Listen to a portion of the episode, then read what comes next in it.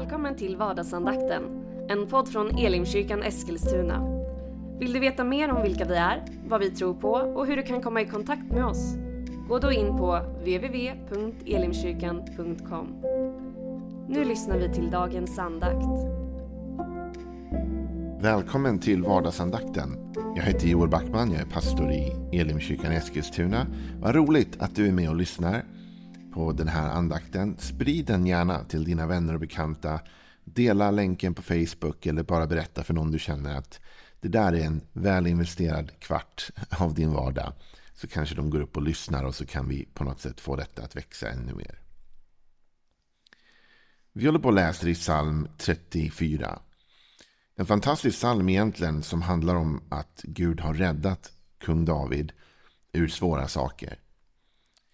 Men nu kommer vi till en vers som är på ett sätt fantastiskt uppmuntrande och på samma sätt lite tung. David har ju nu kommit igenom svårigheterna men han har också varit i svårigheter. Han är på flykt, vilket aldrig kan vara kul. På flykt undan Saul som verkligen är ute efter David och hans liv. Och han hamnade i en svår situation inför en kung som heter Abimelek men David lyckas ta sig ut genom det. Men nu då när vi har kommit fram en bit i den här salmen så säger han så här i vers 20. Mycket får den rättfärdige lida, men Herren räddar honom ur allt. Jag läser det igen. Mycket får den rättfärdige lida, men Herren räddar honom ur allt. Det här är ju en mening uppdelad i två fraser kan man säga. Och den ena frasen läser vi med glädje och jublar över och den andra har vi svårt att möta. Men behöver möta. Och det är den första versen, eh, frasen, då, fraseringen. Mycket får den rättfärdige lida. Så David har gått igenom ett mått av lidande här. En tung period i livet som var besvärlig för honom. Och han sammanfattar också i sitt tack till Gud för att Gud har räddat honom.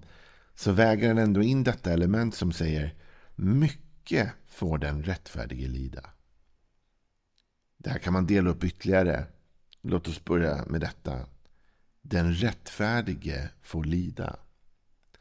Alltså, ibland kan vi hamna i något snedtänk här. Där vi känner så här att om jag bara är tillräckligt rättfärdig eller helig eller god så kommer jag komma undan och slippa undan lidanden. Gud kommer bevara mig från alla svårigheter och utmaningar. Men det är inte Bibelns budskap. Och det var inte heller patriarkernas budskap. Utan David här som är en av de stora förebilderna såklart för vår tro. Han säger den rättfärdige får lida. Och ännu mer kan man dela upp det och säga mycket får den rättfärdige lida. Så livet innebär lidande. Livet innebär ett moment av smärta för alla människor.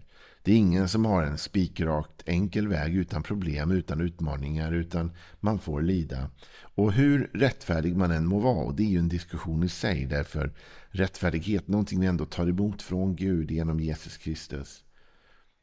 Så är det så att, att lidandet sparas oss inte, utan vi får gå igenom. Och till och med kan det vara så att vi ibland lider just därför att vi är rättfärdiga. Alltså, Paulus säger i ett av sina brev att om någon får lida därför att han är kristen. Alltså det finns ett lidande kopplat till vår tro. Det är bara att titta på den förföljelse som sker över för liksom, kristna genom hela världen. Det finns ett lidande, verkligen. Det finns också ett lidande vi ser hos det till exempel judiska folket. Därför att de är Guds utvalda folk. Och de har genomgått mer lidande än nästan någon annan. Därför att de är rättfärdiga. Så det rättfärdiga får lida. Och då kan vi bli väldigt deprimerade. Samtidigt kan vi bli fria av det. Därför det kanske du lyssnar på det här som känner så här någon gång att det måste vara så att jag inte är tillräckligt god kristen för jag går igenom så mycket svårigheter. Eller du kanske tänker ja det måste vara för att jag inte lever upp till Guds standard som alla de här problemen, de här utmaningarna hopar sig och vad det nu är. Men det är inte vad Bibeln säger utan Bibeln säger att den rättfärdige får lida, till och med lida mycket. Men det här är ju inte slutklämmen. Av, det är inte hela meningen och det är viktigt att vi ser det också. Vi ska inte skymma undan eller fly undan för det faktum att den, den rättfärdige får lida. Men vi måste ta med den sanning som David ändå har med i meningen, för det är ett komma här. Mycket får den rättfärdige lida, komma. Men Herren räddar honom ur allt. Vet, jag är ändå en sån som tror på seger. Jag är ändå en sån som tror att Gud vill att vi ska övervinna. Jag tror att Gud vill att vi ska ha framgång. Men inte utan problem. Inte utan lidande. Inte utan stridigheter. Men Herren räddar den rättfärdige. Ur allt, säger David. Ett av de bibliska exemplen på detta är ju en man som heter Job. Alltså när Gud talar med djävulen faktiskt i ett märkligt scenario som utspelar sig i Jobb kapitel 1. Så säger Gud till djävulen eller till åklagaren som han kallas där. Att har du sett min tjänare Jobb? Liksom? På jorden finns ingen så rättfärdig som han. Han säger inte att Jobb var, var felfri. Men han säger att han, han har satt ribban högt. Högst av alla faktiskt.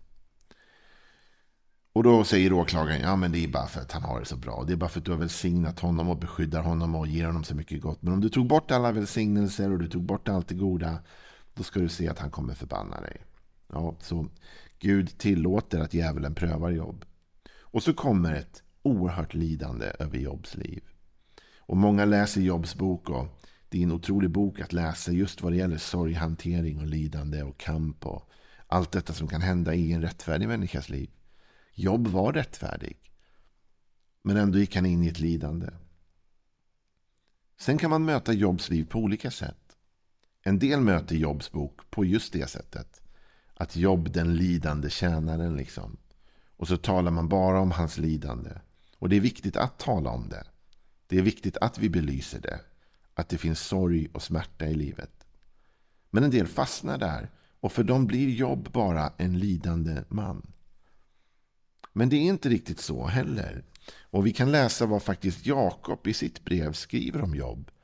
Han skriver så här i Jakob 5 och 11. Vi kallar dem saliga som håller ut. Ni har hört om Jobs uthållighet och sett hur Herren till slut gjorde med honom. Herren är rik på kärlek och barmhärtighet. Jakob när han talar om jobb talar om jobbs uthållighet i lidandet, absolut. Men han säger också, ni får inte glömma hur Herren lät det sluta. Och när man läser slutet av Jobs bok så beskrivs det hur Gud välsignar Jobb dubbelt upp för hans lidande. Han får dubbelt så mycket rikedomar, dubbelt så mycket av allting. Och han får sin hälsa tillbaka. Det är klart att Jobb alltid bar med sig ett visst mått av sorg över vad han hade förlorat i livet. Samtidigt så kompenserade Gud honom för hans lidande och räddade honom ur prövningens stund. Och det står om Jobb att när han dog så var han gammal och mätt av år. Eller mätt av, och det innebär ju att han var nöjd. Han var tacksam till slut. Han hade levt ett liv som gav mättnad. Men sorgen och prövningen var en del av det livet. Men också segern och framgången. Och den här balansen i dessa, liksom, mellan dessa två diken lever vi hela tiden. Vi har det faktum att den rättfärdige lider. Att alla människor lider. Men så även den rättfärdige. Och ibland till och med mer den rättfärdige på grund av den kamp som kan uppstå kring oss. Men också det faktum att Gud räddar oss. Han räddar den rättfärdige ur prövningen. Han räddar den rättfärdige ur smärtan. Han räddar oss ur allt, säger David. Och Jakob säger, ja vi har jobb som ett exempel på detta. Han led. Och han var tvungen att vara uthållig i sin tro. Under lidandet. Men han höll ut. Och ni vet hur det slutade för Job. Han blev välsignad dubbelt upp. För Gud är god och rik på barmhärtighet och kärlek. I Saltaren 71 så står det så här i vers 20. Du har låtit oss se mycket nöd och olycka. Men du ska åter ge oss liv och åter lyfta oss ur jordens djup. Föröka min storhet och trösta mig igen. Så vill jag tacka dig till lyra för din trofasthet, min Gud. Jag vill lovsjunga dig till harpa, du Israels helige. Så den här kontrasten igen. Du har låtit oss se mycket nöd och olycka. Här talas det om Israel, här talas det om Guds folk. Men du ska återge oss liv.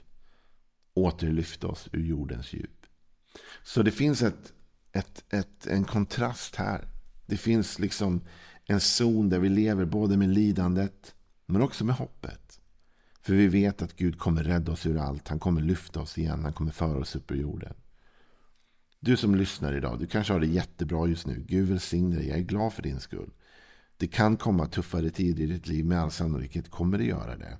Tider av lidande. Då ska du veta att Gud är med dig och kommer ta dig igenom. Du kanske lyssnar på den här podden idag och du är i ett lidande just nu. Det har varit en tuff tid. Du mår dåligt, du är orolig, du har ångest, du har smärta. Det kan vara så många olika saker som bidrar till ett lidande i ditt liv. Till dig vill jag ändå säga att även om vi måste vara uthålliga ibland i lidandet och det finns en tid av lidande så kommer Gud rädda dig ur alla prövningar. Det har han lovat. Om du och jag håller fast vid honom så var det Davids erfarenhet. Det var eh, Jakobs erfarenhet. Jobs erfarenhet var mångas erfarenhet. Att efter prövningen så räddar Gud. Att det finns en tid av lidande men det finns också en tid av seger. Det finns en tid av prövning, kamp, strid. Men också en tid då vi, då vi står på höjden och har segrat. Och Gud vill föra dig till den platsen. Gud vill föra dig dit. Så vi måste leva med hoppet även i prövningens stund. Och vi som kristna, vi har ju detta exempel i och genom Jesus Kristus. Jesus, han säger i sitt avskedstal, som vi ju hittade i Johannes 14, 15 eh, och 16. Nej, 15, 16, 17. Där hittar vi eh, Jesu avskedstal. När han talar till lärjungarna och han förklarar för lärjungarna att nu kommer det bli jobbigt för er. För jag kommer lämna er. Jag ska gå till min fader, sen kommer jag komma tillbaka och så vidare. Han försöker förklara att det blir en tuff tid, en tid av lidande, en tid av prövning för dem. Och så säger han så här i Johannes 16.33. Detta har jag sagt er för att ni ska ha frid i mig. I världen får ni lida. Men var frimodiga.